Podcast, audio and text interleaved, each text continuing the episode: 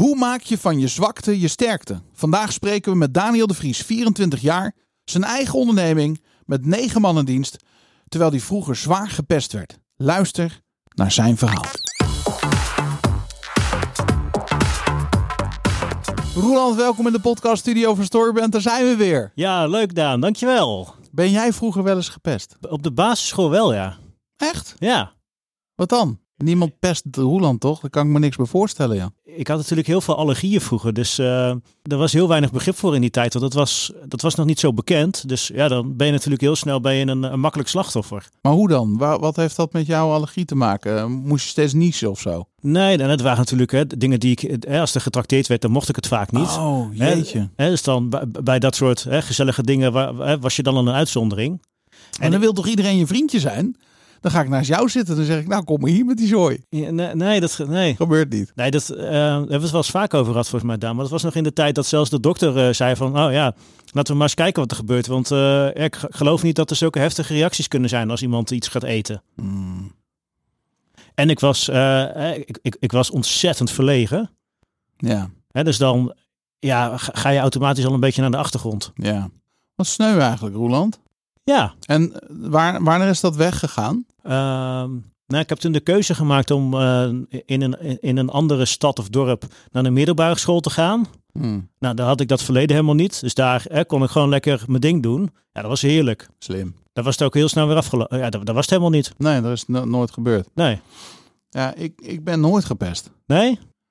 Ja, dat is niet helemaal waar. Opeens schiet me één incident binnen op de lagere school. Ja. ja. Dat had te maken met uh, dat, um, uh, zeg maar, bij ons in het dorp, daar ging iedereen naar de kerk. Maar wij gingen dan weer niet naar de kerk in het dorp, maar naar een andere kerk. Oh ja, ja. Nou, en dan, dan, dat, die had ook nog een hele gekke naam en daar werd je dan mee gepest. Van, ja. oh, ga je weer naar die kerk? Ja, ja, ja. ja dat, dat vond ik wel echt uh, heel irritant. En dan is een dorp echt wel een dorp. Ja, en je, je werd toch ook wel eens, je was toch wel eens het slachtoffer omdat uh, je, je grote, je oudere broers uh, zich misdragen hadden? Ja, ja. Maar is niet echt Ja. pesten natuurlijk, hè? Nou, nou ja, wel. Want dan ging ik met een vriendje naar de bibliotheek aan de andere kant van het dorp op onze crossfietsjes. Ja. En dan kwam je met je boeken naar buiten. En dan er werd daar gebouwd. Ik weet nog heel goed, er was een hele berg met zand lag er. En opeens herkende iemand mij als het broertje van. Ja. En aangezien mijn eh, oudste, vooral mijn oudste broer, best wel af en toe eventjes eh, erop los eh, sloeg. Of hè, ehm, Kon gewoon in die tijd. ja, werd ik eh, eventjes eh, in elkaar geramd. Ja. En toen fietsten we terug en toen waren ze nog een beetje om ons heen aan het fietsen en aan het tuffen en aan het schelden en aan het trappen tegen onze fietsen, weet je wel. En toen opeens kwam mijn broer de hoek om op zijn fiets met een paar van zijn vrienden. En die waren wel een kopje groter, dus nou, die jongens die lieten gewoon hun fiets vallen, die renden gewoon overal weg de tuinen in. Ja, ja, en toen had ik mijn wraak. Ja, ja, precies. Ja. Maar dat was wel, eens- dan moest je, je moest eh, soms op je hoede zijn. Ja. Ja. Ik heb wel zo'n pak rammel gehad, maar echt dat pesten, pesten, dat heb ik nooit eh, meegemaakt. Nou. Maar, maar goed, de, de reden dat ik daarover begin is dat ehm, via ehm, ons netwerk ja. eh, werden wij geattendeerd op Daniel de Vries. Mhm. En Daniel die is 24 jaar en heeft een onderneming met negen man in zijn team. Nou, dat vind ik al fascinerend, dat je 24 bent en een bedrijf hebt met zo'n team. Hè? Zo, echt wel. Maar die heeft van zijn zwakte zijn sterkte gemaakt. Dus hij is zo ernstig gepest in het verleden. Hij is dus geen niet in die slachtoffermentaliteit gaan zitten. Van ik ben zielig en, en, en, en, en nee. En zijn ouders hebben daar ook een belangrijke rol in gespeeld. Om hem te helpen om in die victory te gaan staan. Het is hem gelukt. En hij heeft dus nu een bedrijf, en daar wil ik het met hem over hebben. eh, waar ze leerlingen helpen bij het ontwikkelen van hun sociale vaardigheden. En ze richten zich dan met name op de docenten om aandacht te hebben voor dat soort dingen in de klas. Wat goed zeg. Knap hè? Ja, wauw. Wat een... eh, Dan ben je echt heel kwetsbaar als je daar Ja. dan een bedrijf in opricht. Ik vind het fascinerend. Dus Ja. ik dacht, we, we, we nodigen hem uit. En ehm, ik stel voor dat we hem gaan, eh, gaan interviewen. Laten we dat doen. Daniel de Vries is oprichter van Wellbased. Hij werd jarenlang gepest en hij is ervan overtuigd dat betere soft skills hem hadden kunnen helpen om zichzelf en zijn medeleerlingen beter te begrijpen. En dat is de reden geweest voor het oprichten van Wellbased. Hier is Daniel de Vries. Daniel, hartelijk welkom in de podcaststudio van Storyband. Dankjewel. Je bent uh, geïntroduceerd door uh, iemand bij One Meeting. En uh, ik ben even de naam vergeten van de persoon die... Thea Prins. Thea Prins, die was het. Hè? Die zei van, hey, je, je moet Daniel uitnodigen. Ja.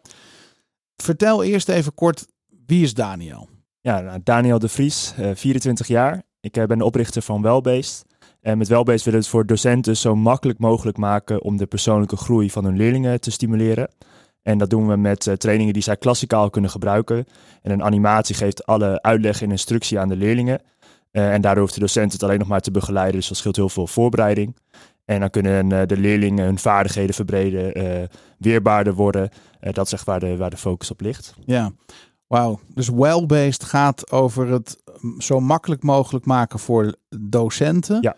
Om hun leerlingen te helpen zich te ontwikkelen. Ja, exact. En daarin hopen we dus de uh, werkdruk van leraren te verlagen. Ja. Um, en tegelijkertijd het welzijn van de leerlingen te verbeteren. Dus Ja. er zitten twee kanten aan. Ja, Waarom dit bedrijf? ja dat uh, gaat ver terug. Ja. um, ik ben uh, vroeg op de basisschool heel veel gepest.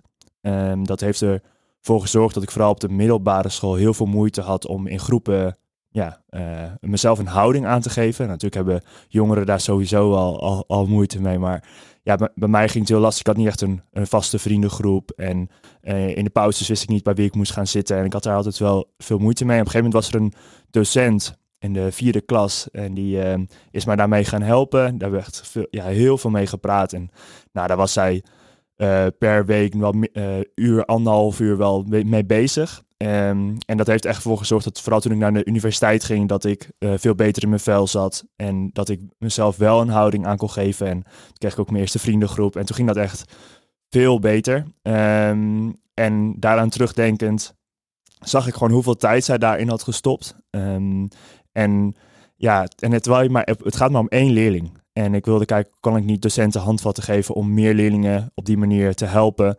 Um, zodat ja, leerlingen beter in hun vel komen te zitten en um, ja, dat daar gewoon echt meer aandacht aan besteed wordt. Ja, iedereen is vast wel eens gepest. Maar uh, als ik jouw verhaal hoor, uh, was dat best wel heftig. Ja, klopt. Ja, het was. Um, uh, het begon dan toen ik acht jaar oud was. Um, ik weet dat ook nog echt als de dag van gisteren dat ik. Um, we hadden een gymles gehad en ik had een, ja, een beetje een gesprek nog na iemand, uh, na, nee, na de gymles met iemand die, uh, nou, we waren het niet echt helemaal eens. En op een gegeven moment kreeg ik van hem een duw, uh, knalde ik met mijn heup tegen de bank aan in de kleedkamer. Um, en dat was best wel heftig, want ik had me net uitgekleed, ging net douchen, dus je, ja, je ligt daar compleet op de grond, naakt. En nou, als er iets, dat was gewoon heel lastig mm. om, om daarmee om te gaan, om je dan wist niet wat ik moest doen. Ik kon niet opstaan, want ik had te veel pijn. Uh, wow. En, en, ik, en dan, dan lig je daar. Um, en dat, dat is een beetje voor mij het gevoel als het begin. En ik was daarna meteen heel onzeker. En ik, ik wist gewoon niet zo goed meer wat ik in de klas moest doen. En, gewoon een traumatische ervaring ja, die gewoon impact heeft op je gedrag daarna. A, absoluut. En um, ja, toen was het eigenlijk daarna vooral wat meer met buitensluiten en verbaal. Um, totdat ik op een gegeven moment in een voetbalteam kwam. Uh, waarin ik gewoon in de training trappen op mijn enkels kreeg. En uh, op een gegeven moment was ik geblesseerd en toen uh, ging ik keepen in de training. En um, op het moment dat als ze dan scoorden, dan pakten ze de bal, liepen ze achter mij langs, gaven ze me nog een trap op de enkels. En dan liepen ze door om, om, om weer te gaan schieten, zeg maar. Wauw. En dat, dat is denk ik wel de meest heftige ervaring. Ik ben gewoon blijven staan. Ik dacht, oké, okay, ik ga me niet hier, ja, ik ga nu niet weglopen, ik, ik blijf staan. Uh, meteen thuis wel mijn ouders verteld. Heb ik een telefoon gekregen van oké, okay, volgende keer weer gebeurt, bel je ons. Uh, halen we je op. Volgende training meteen gebeurd. En uh, toen ben ik naar een ander team gegaan. Ja. ja. Heftig man. hoe groot is dit probleem in Nederland?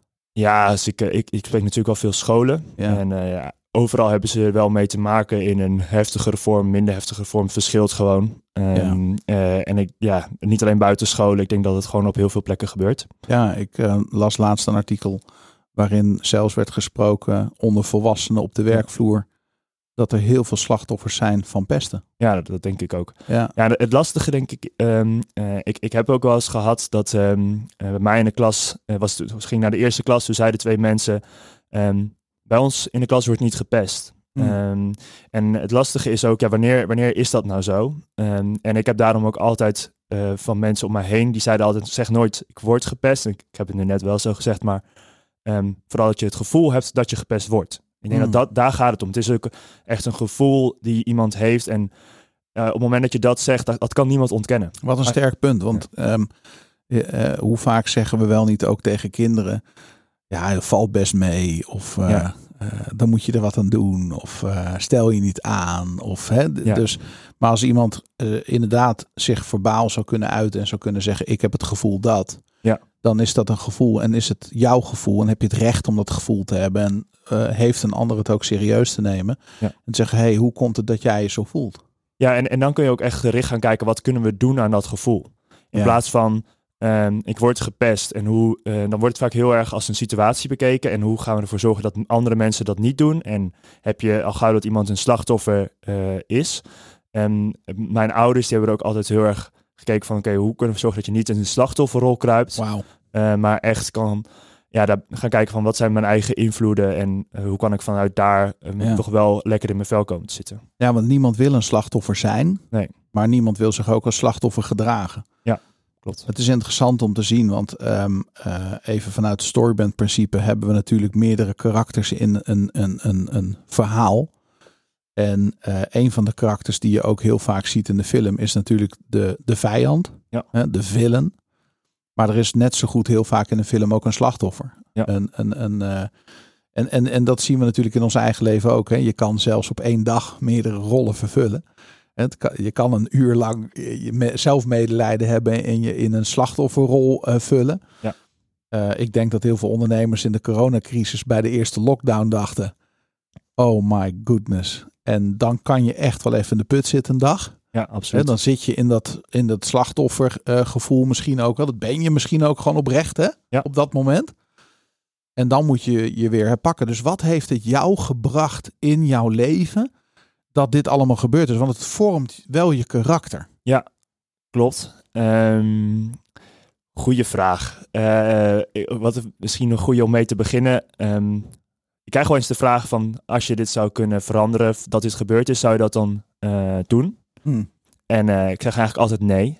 Ehm, want ik ben heel blij met waar ik nu sta en hoe ik nu in mijn vel zit. En het, het heeft me wel gemaakt tot wie ik ben. Ehm, ik heb heel erg leren beg- eh, begrijpen van, en dat is pas heel goed bij die slachtofferrol, ehm, is, staat in het, eh, The Seven Habits van eh, Stephen Covey. First try to understand, then to be understood. Dus waar wij het Ja. Eh, een van de, ja, Ik krijg gewoon kippenvel als je het zegt, weet je dat? ja, Want dit is zo'n krachtig principe. Hè? Eerst ja, begrijpen voordat je probeert begrepen te worden, Ja. is ongeveer de contradictie op slachtoffermentaliteit. Ja, precies. Ja, en ik, eh, toen ik eh, in dat voetbalteam zat, zat er ook een jongen in. En ehm, eh, zijn ouders waren op dat moment aan het scheiden. Ehm, en ik heb daarom... eh, nou, hij, hij zat gewoon ook niet lekker in zijn vel. En eh, nou, heeft hij misschien af en toe op mij afgere- afgereageerd. En eh, dat, dat kan. Ehm, en hij is op die manier ermee omgegaan. En mijn ouders die vertelden me altijd ook van... Ja, dit zijn thuissituaties. Ja, misschien moeten we het hem ook niet te erg kwalijk nemen. En juist aardig blijven. En dan hopen als hij daarmee om kan, gaan, dat het voor jou ook beter wordt. En kijk Ja. naar je eigen invloed die je daarop kan hebben. En ja, ik neem hem ook niks kwalijk. Ehm, en, en ik denk dat dat wel echt een, iets is wat ik toen heb geleerd, wat ik nu ook nog gewoon heel goed kan gebruiken. Dat ik daar altijd mee bezig ben. Eerst een ander begrijpen voordat ik probeer dat iemand anders mij te, eh, begrijpt. Want dat opent veel deuren. Ja, het opent heel veel deuren. Ja. Het feit dat je überhaupt die vragen stelt aan iemand, hè, opent al deuren. Ja. Ehm, de, de, de tweede doodsoorzaak onder 18 tot 25-jarigen in Nederland is ehm, zelfmoord. Hm? Ehm, even de, ik, ik zoek even bewust zeg maar even de keerzijde van alle ellende op. Hè. Dus, dus zie jij ook in de praktijk dat pesten daar een onderdeel van, van is of kan zijn? Ja, absoluut. Ik denk, ehm, Dat isolement waar je in terecht komt, is dat? ja het vooral- eenzaamheid is verschrikkelijk. Ja. ik denk dat dat, eh, vooral dat gevoel van alleen zijn, dat niemand er Hmm. ehm, voor je is. Ik denk dat dat echt een van de meest vervelende gevoelens is die je kan, kan hebben. Ja. Ja. De hopeloosheid, hè? Ja, Die dat Ja. geeft. Ja. De uitzichtloosheid. Ja. Jij hebt, jij hebt eigenlijk, zeg maar, eh, na dat, dat pesten. en Je bent nu 24. We, toen je hier straks binnen kwam lopen, zeiden Angelique en ik tegen elkaar. Angelique is mijn assistent voor de luisteraar die haar niet kent. Ehm, eh, wij zeiden tegen elkaar dat we zo diep respect hebben voor iemand die 24 jaar is. En, eh, en, en een bedrijf bouwt met een team. Er staat ehm, op jouw website ehm wellbased.nl uit Ja. mijn hoofd. klopt. Eh, als je dan mm, eh, doorklikt naar de pagina team, zie ik echt een heel groot team. Hoeveel mensen, met hoeveel, hoe groot is je team precies? We zijn met z'n negenen. Met z'n negen. Ja, maar dat is, ik, ik bedoel, dat is heel groot als je 24 bent en net bent begonnen, toch? Ja, het is even wennen. Maar Ja. dat vind ik iets interessants om te onderzoeken. Hè? Dus, dus, dus ehm, eh, misschien dat we zometeen nog heel even de inhoud in kunnen gaan. Van wat doe je dan precies eh, voor die docenten Ja. en, en, en, en wat heb ik daaraan? hè, Dat, dat verhaal. Maar heel even naar je ondernemerschap. Ja. Er komt een beslissing. Ik ga iets doen. Hè, dus neem ons even mee in dat ontstaansgeschiedenis van Wellbased. Ja, oeh, dat is wel een, ehm, eh, een leuk verhaal. Ehm, ik, ik had een eh, bestuursjaar gedaan bij de Student Union. Dat is een eh, overkoepelende organisatie op de Universiteit Twente. ehm, die de persoonlijke ontwikkeling en het welzijn van de studenten daar. Ja, want wat heb je gestudeerd? Ik heb technische bedrijfskunde gedaan, Ja. bachelor. Ja. En ik merkte toen dat ik vanuit die rol best wel impact kon maken. Vooral, we hadden echt eh, wekelijks contact met het college van bestuur van de universiteit. En we mochten echt meebepalen over het coronabeleid. En ik zag toen hoeveel impact ik kon maken. En dat ik echt eh, gewoon hoe iemand in zijn vel zat kon veranderen eh, op, op een positieve manier. En ik vond dat zo heerlijk om te, s- ja, dat, dat te kunnen doen. Dus, en ik merkte van ehm, dat ik dat meer wilde doen. Ehm, en ik had een boek gelezen, Zero to One, heet het volgens mij. Ehm, en dat ging over dat je met een, eh, een start-up echt impact kan maken, want je creëert iets eigenlijk zonder dat er nog iets bes- bestaat. En Ja. eh, dat, dat, dat principe sprak me gewoon heel erg aan. Ja, mooi boek trouwens. Ja, ja echt een aanrader. Ehm, en toen ging ik nadenken, oké, ehm, ik wil dit heel graag, ik wil impact maken, wat kan ik, kan ik doen? ja. ik eerst nog een compleet ander idee gehad. wat helemaal niks mee te maken heeft. Eh, het ging eigenlijk om. Ik wilde kijken of ik. Ehm, eh, waar, waar ik woonde zat eigenlijk altijd wel eh, eh, daklozen voor de deur. Ja. En die waren aan het bedelen voor geld. En nou, tegenwoordig zeg je eigenlijk altijd van. ehm, ik heb geen muntgeld. Ja, heb ik ook gewoon niet. Dus ik kan, ik kan ze geen kleingeld Nee, geven of iets. niemand heeft dat meer op zak. Hè? Nee, dus wat te denken, kun je niet iets doen waarbij je met een ehm, NFC kan betalen en dat zij dat dan aan goede dingen kunnen uitgeven. Dus aan eten, kleding, een slaapplek bij het leger zelfs. Ik heb ook met hen toen contact gehad. Eh, maar niet dat ze het kunnen uitgeven aan sigaretten, alcohol, drugs. Dus dat je het ook echt weet dat het op een goede manier besteed wordt. En, Ja. nou, vandaag was dat geen businessmodel achter. In ieder geval toen ik het bedacht, kon ik, dat, kon ik daar niet iets voor verzinnen. Het is wel een heel mooi idee trouwens. Dankjewel. Wie weet dat een luisteraar dit op Eh, kan pakken. Zou mooi zijn. Zou Ja. mooi zijn. Ehm, en, maar goed, die, die, dat idee van ik wil ondernemen was begonnen. En ik had al wat trajecten gevolgd van, die op de universiteit liepen van Novelty. En die helpen start-ups eh, ja. Ja. met opstarten. Ehm, en nou ja, toen ben ik gaan verder denken. Maar ik, zoek eigenlijk, ik zocht eigenlijk iets wat meer paste bij mij. Van wat Ja. ik vind ik belangrijk. Want het stond best wel ver van me af. En dan is het toch wel heel moeilijk om daarin gemotiveerd te blijven. Ja, dat begrijp ik. En eh, nou ja, ik heb natuurlijk zelf best wel een lange weg af moeten leggen in mijn persoonlijke ontwikkeling om over mijn bestverleden heen te komen.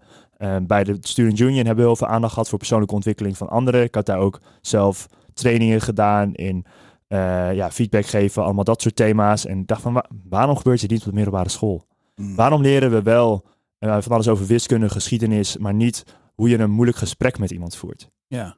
Dat, is- dat is, ja, eigenlijk is dat allemaal gebaseerd op trial and error. Je doet eh, wel dingen waarin je die vaardigheden naar voren moet laten komen, maar ja. er zijn zoveel modellen van zo geef je feedback, zo ga je om met een conflict, die je nooit hoort. Nee. En dat vond ik zo bizar. Ehm, en toen ben ik echt gaan kijken van ja, waarin komt dat nou wel aan bod? En zag ik wel dat er wel wat dingen waren. Er is best wel wat informatie over, ook echt gericht op, op kids. Ja. Ehm, alleen de manier waarop dat gebracht wordt is vaak met een werkboekje. En de docent krijgt echt een dik boek met allemaal uitleg en de didactische instructie. vormen eh, die laten nog de wensen over. Ja, dus ik wilde kijken, kan ik dat niet veel makkelijker maken Ja. voor een docent om daarmee aan de slag te gaan? Ehm, en we hebben, sommige docenten zijn wel een uur bezig om een momentenles voor te bereiden. En wij hebben het gereduceerd naar vijf minuten. Wauw. Eh, en dan kun je daarmee aan de slag. En, en we hebben het zelfs zo gedaan dat je ook in een vakles, als jij ziet, als een klas gewoon niet lekker loopt, dan kun je wel heel veel bezig zijn met de vakinhoud. Maar dat gaat, ook- gaat Maar niet werken. dan eerst het probleem van de klas. Ja, dus zij geven ook echt docenten handvatten om in hun eigen les eh, daar aandacht aan te besteden. Best interessant hè, dat je vanuit een pestverleden komt tot dit idee. Maar je eigenlijk wat minder richt op de leerling en het eigenlijk via de docent. Ja, ehm, was in het begin niet zo. Nee. Dat moet ik wel, wel erbij zeggen. Ik had echt, ehm, eh, eh, nou, ik lees graag, dat komt denk ik inmiddels wel, wel, wel door. Want ik heb vanuit het boek Start With Why kwam ik heel erg van, ik wil de, dragen op de waarom. Ja, Ehm, nou, ik wilde heel graag eh, jongeren een betere basis, basis geven voor de maatschappij. Om Ja. daarin ja, zichzelf te kunnen zijn en goed in hun vel te zitten.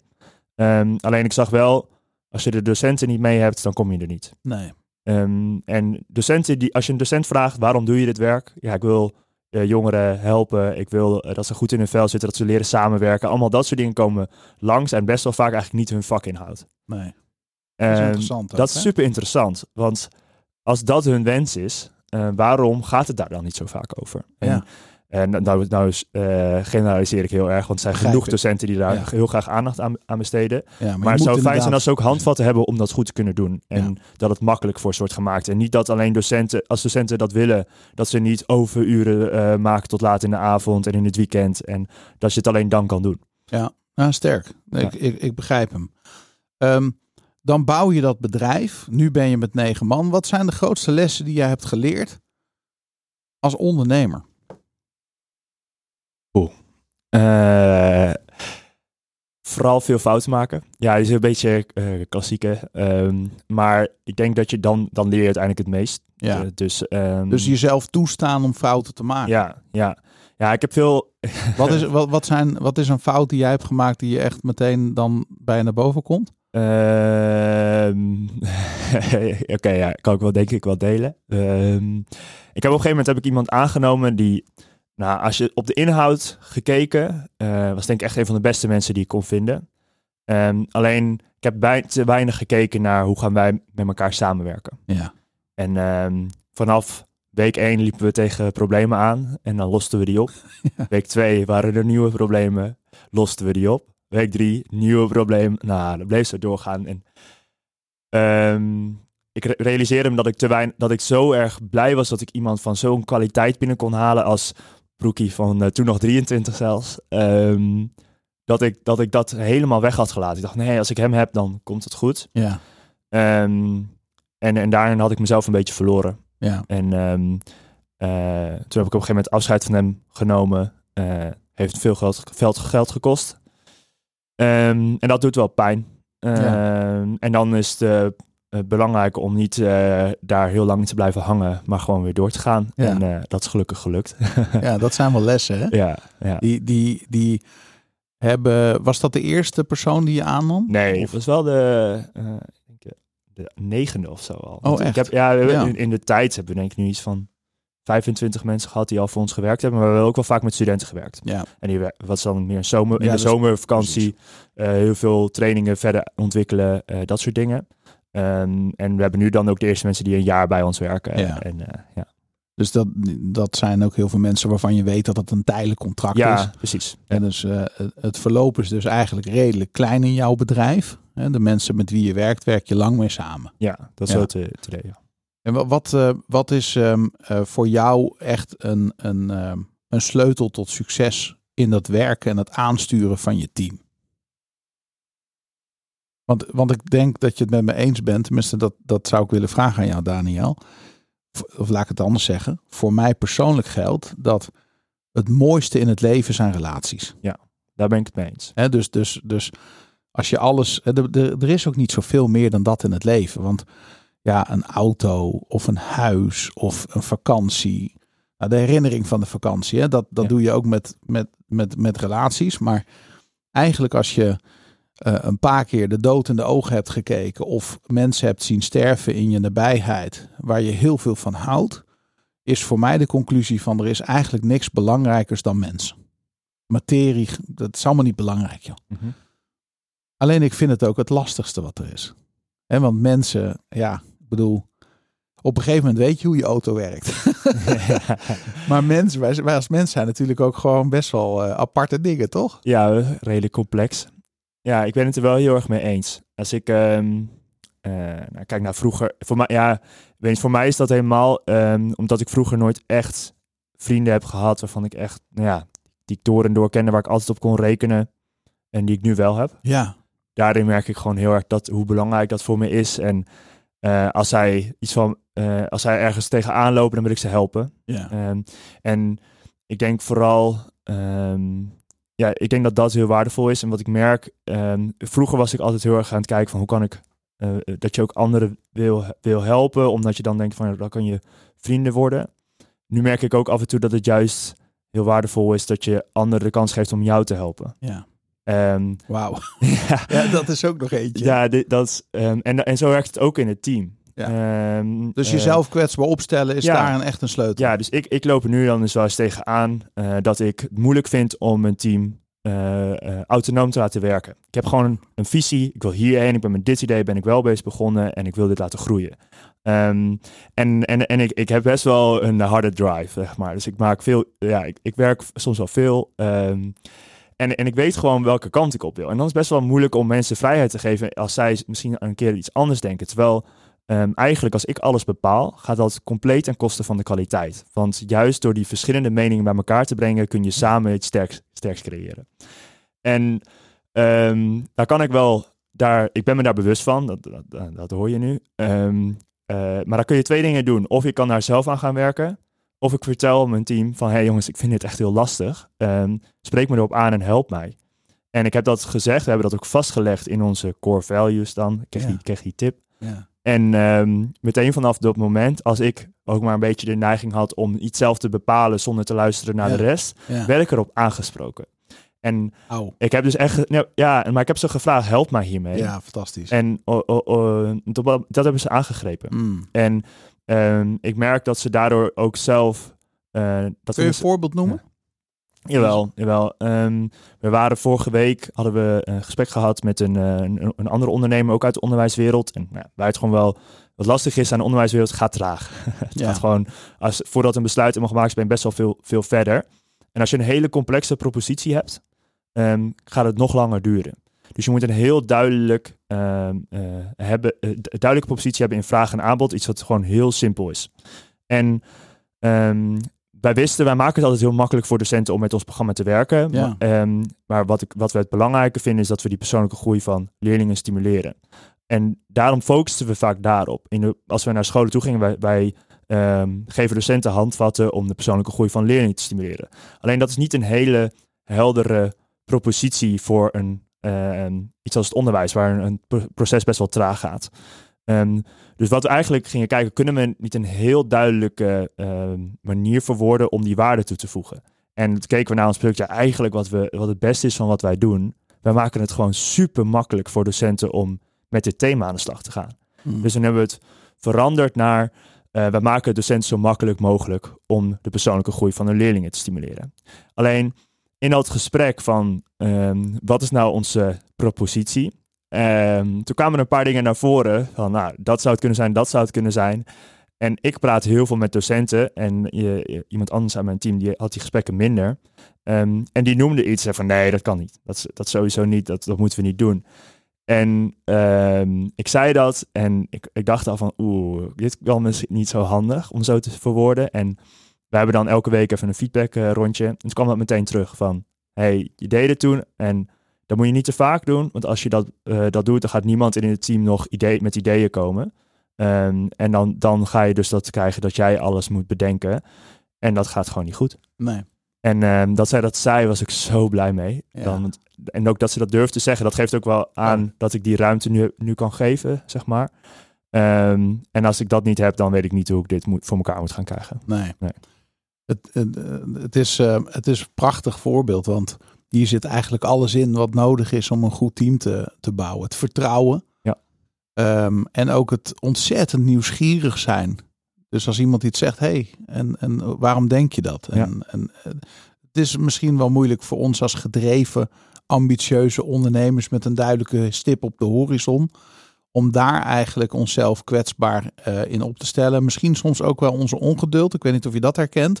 Dat je Ja. eigenlijk al een beetje, voor je gevoel weet je al een beetje hoe je naar het noorden moet komen. Ja. En dan wil je ook niet te veel afleiding of ruis. En dan denk je, nou jongens, we gaan patsboom klaar. Ja, klopt. Ja, bijvoorbeeld dat ik, ehm, wat, best wel eens gebeurt, is dat iemand dan een concept schrijft ergens voor. En dan kan je twee dingen doen. Je kan feedback geven en eh, die persoon er dan laten aanpassen. Je kan de tekst eh, afmaken. Ook wel eens gedaan. Ik kan eigenlijk nog een derde ding doen en dat, dat probeer ik nu wat meer. Ehm, eerste keer kun je wel feedback geven en dan zeg je, nou, ik denk dat je dit moet aanpassen, gaan ze dat doen. Ehm, maar de volgende keer kan je ook zeggen, oké, ik heb je vorige keer feedback gegeven. Leg dat er eens naast. Ga ze, laat ze het zelf op die manier bekijken. In plaats van dat je weer die feedback gaat geven. En probeer op die manier dat ze zelf bepaalde dingen gaan, eh, gaan Ja. begrijpen. En ze zelf die ruimte te geven. En dan moet je ook gewoon een keer zeggen als het op... eh, kijk, ik wil het altijd op 100% misschien wel. Maar als het dan een keer op 85% is, ja... Gaat echt niet we zorgen Nee. dat wel best wel of niet lukt. Dus Nee. ook soms ze dan die ruimte geven om dat is te, dan te zeggen, het is dan goed. En Ja. dan geeft hen ook het, het vertrouwen van ik kan dit. En ehm, ja, ik, ik, dit, is, eh, dit gaat lukken. Zeg maar. Ja, we, Zijn, we zijn als mensen allemaal van tijd tot tijd onzeker.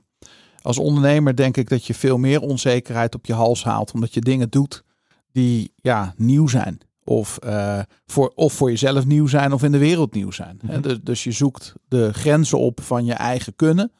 Je eh, loodst je team naar een wereld waar zij ook hun eh, grenzen verleggen.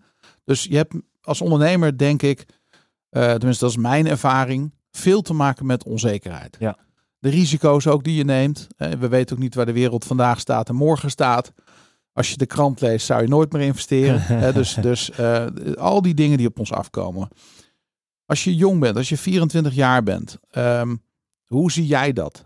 Eh, hoe ervaar jij, ehm, ja, zeg maar, er zitten ook mensen in jouw team, als ik de foto's zie, die zijn een stuk ouder, die hebben misschien een stuk meer levenservaring of Ja. misschien zelfs vakinhoudelijke ervaring. Hoe ga jij nu om, zeker ook met jouw achtergrond? Wat, wat is onzekerheid voor jou en hoe manage je dat?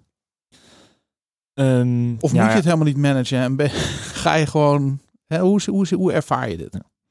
Ehm, ik, ik denk vooral, nou eigenlijk, eigenlijk hebben we dat al genoemd, dat het delen met het team, dat je die onzekerheid hebt in sommige dingen. Dat je zegt van ja, dit is ook mijn eerste keer. Ik weet het niet. Ik Ja. en, en daarom ook heel belangrijk dat jullie het zeggen als je denkt dat het anders moet. Ehm, dus ik, ik stel me daarin best wel kwetsbaar op. En dat is natuurlijk soms een, een risico. Ja, je Eh, kan ook niet alles met je team delen. Nee, Dus heb, klopt, jij, heb jij mentoren? Ja, genoeg. Ja? genoeg. Eh, ja, dus eh, vanuit Novelty heb ik, heb ik dat. Ehm, maar ook gewoon in mijn eigen kringen mensen die mij helpen. Ehm, eh, ja, die de ervaring wel hebben en daar kan ik het aan voorleggen. Ja. Ehm, en vooral dit stukje met hoe ik met mijn team omga, spreek ik heel vaak met David. En David die is een directeur op de Universiteit Twente ook.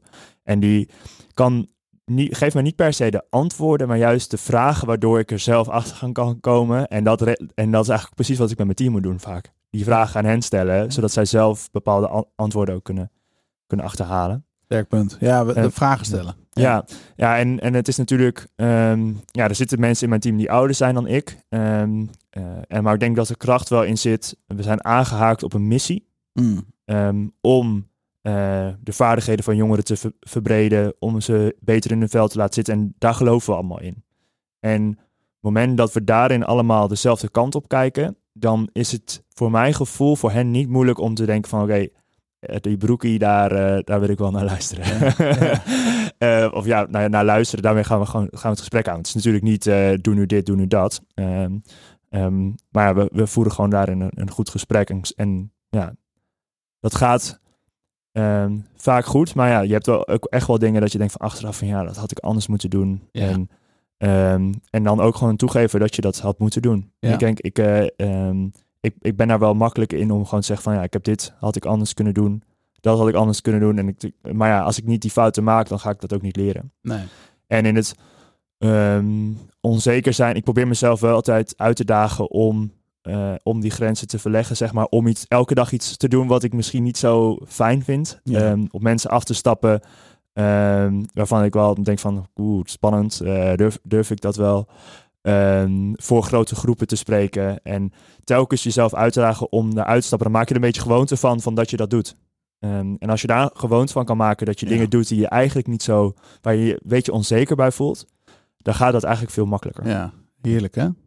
Dat, is een fijn gevoel. Dat is ook vrijheid. Ja, Kiezen voor de dingen die je moeilijk vindt. Ja. Ehm, leiderschap hebben we het eigenlijk over. We hebben het over ehm, je team aansturen.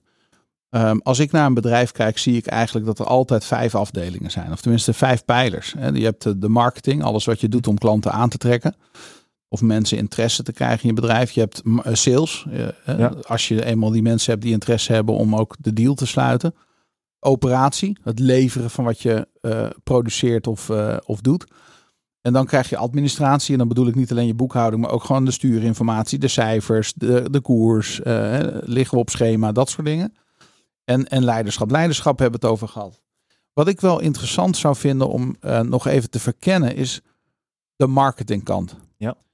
Wat doe jij, wat doen jullie ehm, om juist ook in zo'n doelgroep die niet altijd makkelijk is. Want eh, onderwijs, je had het al over traag en processen en eh, de gelaagdheid van de besluitvorming. Ja. Eh, wat zijn je belangrijkste lessen die je hebt geleerd in de marketing?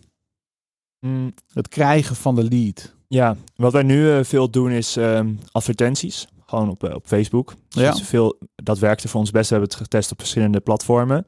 Ehm, en daarin ja, gewoon inspelen op wat het probleem is dat zij ervaren. Eh mentormethodes die niet gebruikt worden, eh, die veel te veel tijd kosten. Allemaal dat soort dingen, die, die benoem je. Ehm, en dan wil ik eigenlijk, ja, dan probeer ik dat zij dan een proefaccount aanmaken, kunnen ze 30 dagen gratis proberen. Ehm, en op die manier creëren we leads.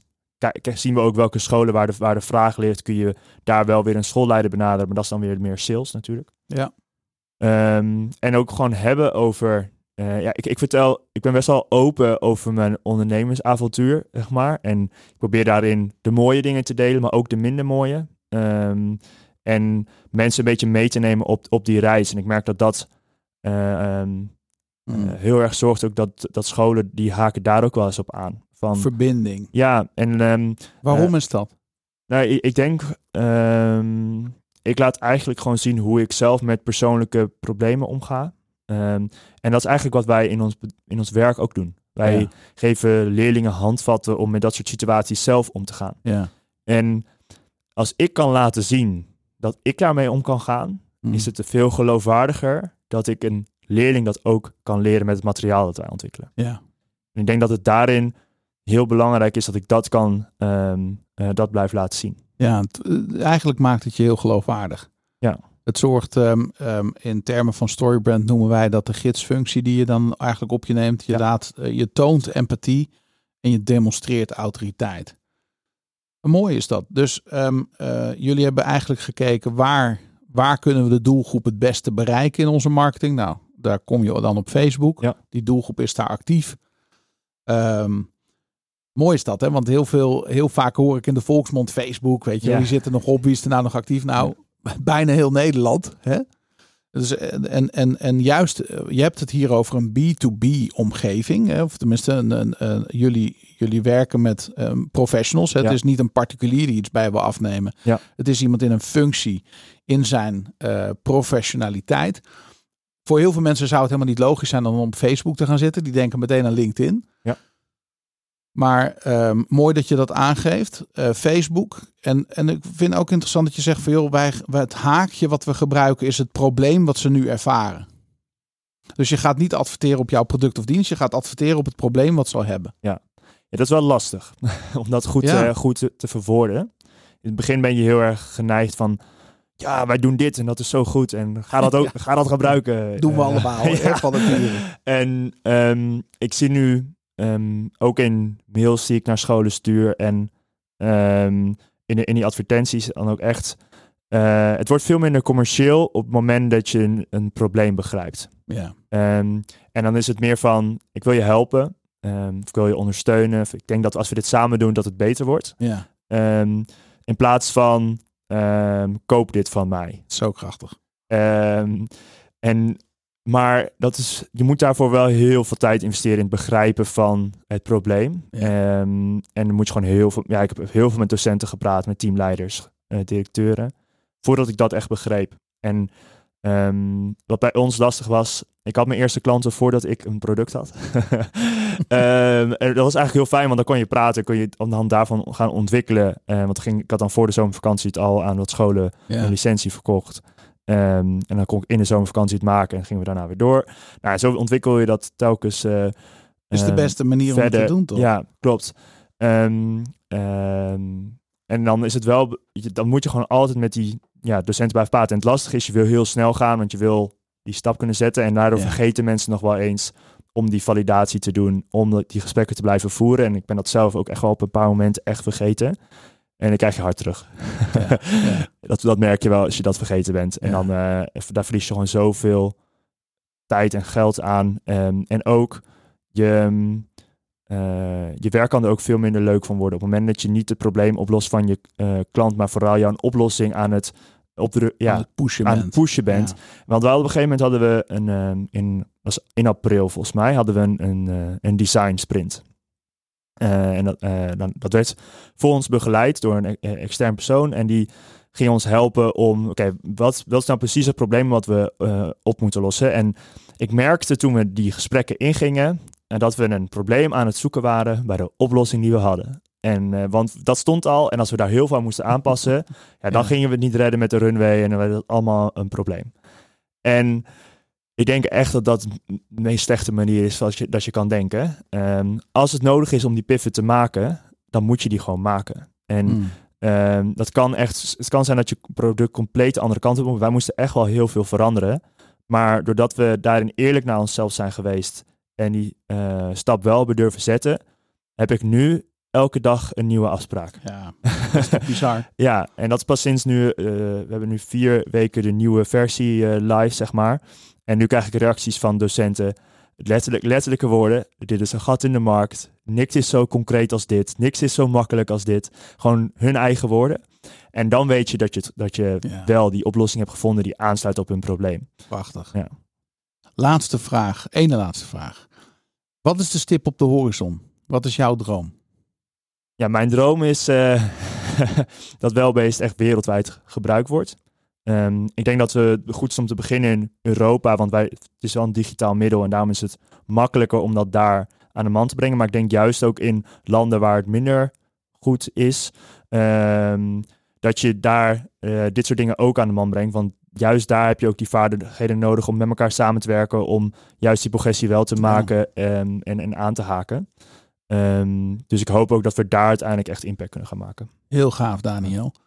De laatste vraag die ik altijd stel aan mijn eh, ehm, gasten en die ik ook aan jou vandaag wil stellen is: welk boek heb je recent gelezen of eh, ben je aan het lezen waarvan je zegt: hey, dat is echt een waardevolle tip voor ondernemers of marketeers?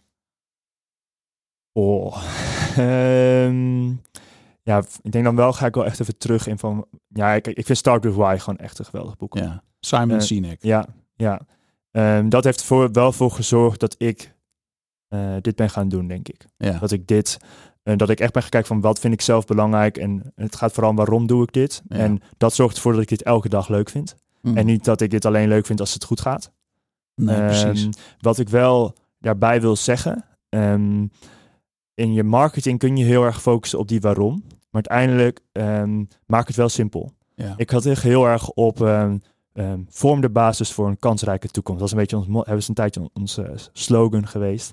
Maar dan maak je het wel heel complex. Wat houdt dat dan in? Wat doe je dan precies? En ja, ja. als je een nieuw bedrijf bent, kijk, dat kun je later heel goed doen, denk ik. Als je gevestigd bent, als mensen weten wat je doet en dan maak je het Als je een groter. En dan, bent. ja, als je, ja, ja, en dan laat je echt aanhaken op die missie. exact. Maar als je net begint, focus dan ook gewoon op het kleine wat je doet. En voor ons is dat het echt zoveel makkelijker maken voor docenten om, om nou ja, met die persoonlijke groei bezig te gaan. Ehm, maar als je dat in het begin niet doet, dan ja, eh, dat, dat, dat, dan Dat gaat het niet aanslaan. Nee, dit is wel grappig dat je dat, of grappig. Goed dat je dat zegt, want waarom? Start with why is vaak waar bedrijven waar wij binnenkomen ooit mee zijn begonnen. Alleen de implementatiekant van Start with why is heel lastig. Ja, De voorbeelden die Simon aanhaalt zijn namelijk van grote brands. En die hebben miljoenen budgetten om een merk te vestigen. En wij hebben vaak heel weinig budget in het MKB om een brand te bouwen. Ja. En dus moet je het veel meer hebben van je marketing. Eh, ik, ik, ik zeg ook heel vaak eh, in gesprekken met klanten: marketing is het vertellen van een helder verhaal. branding is hoe je mensen laat voelen over jouw merk. Ja. En ehm, eh, daarom komen heel vaak klanten bij ons, bij Storybrand, om te zeggen van hey, we hebben nu dat start with why. Dat hebben we wel eh, eh, duidelijk, hè, waarom, et cetera. Maar help ons alsjeblieft naar een heldere boodschap, zodat we het ook kunnen gaan communiceren. En dat is waar Storybrand ook een, een, een mooie rol speelt.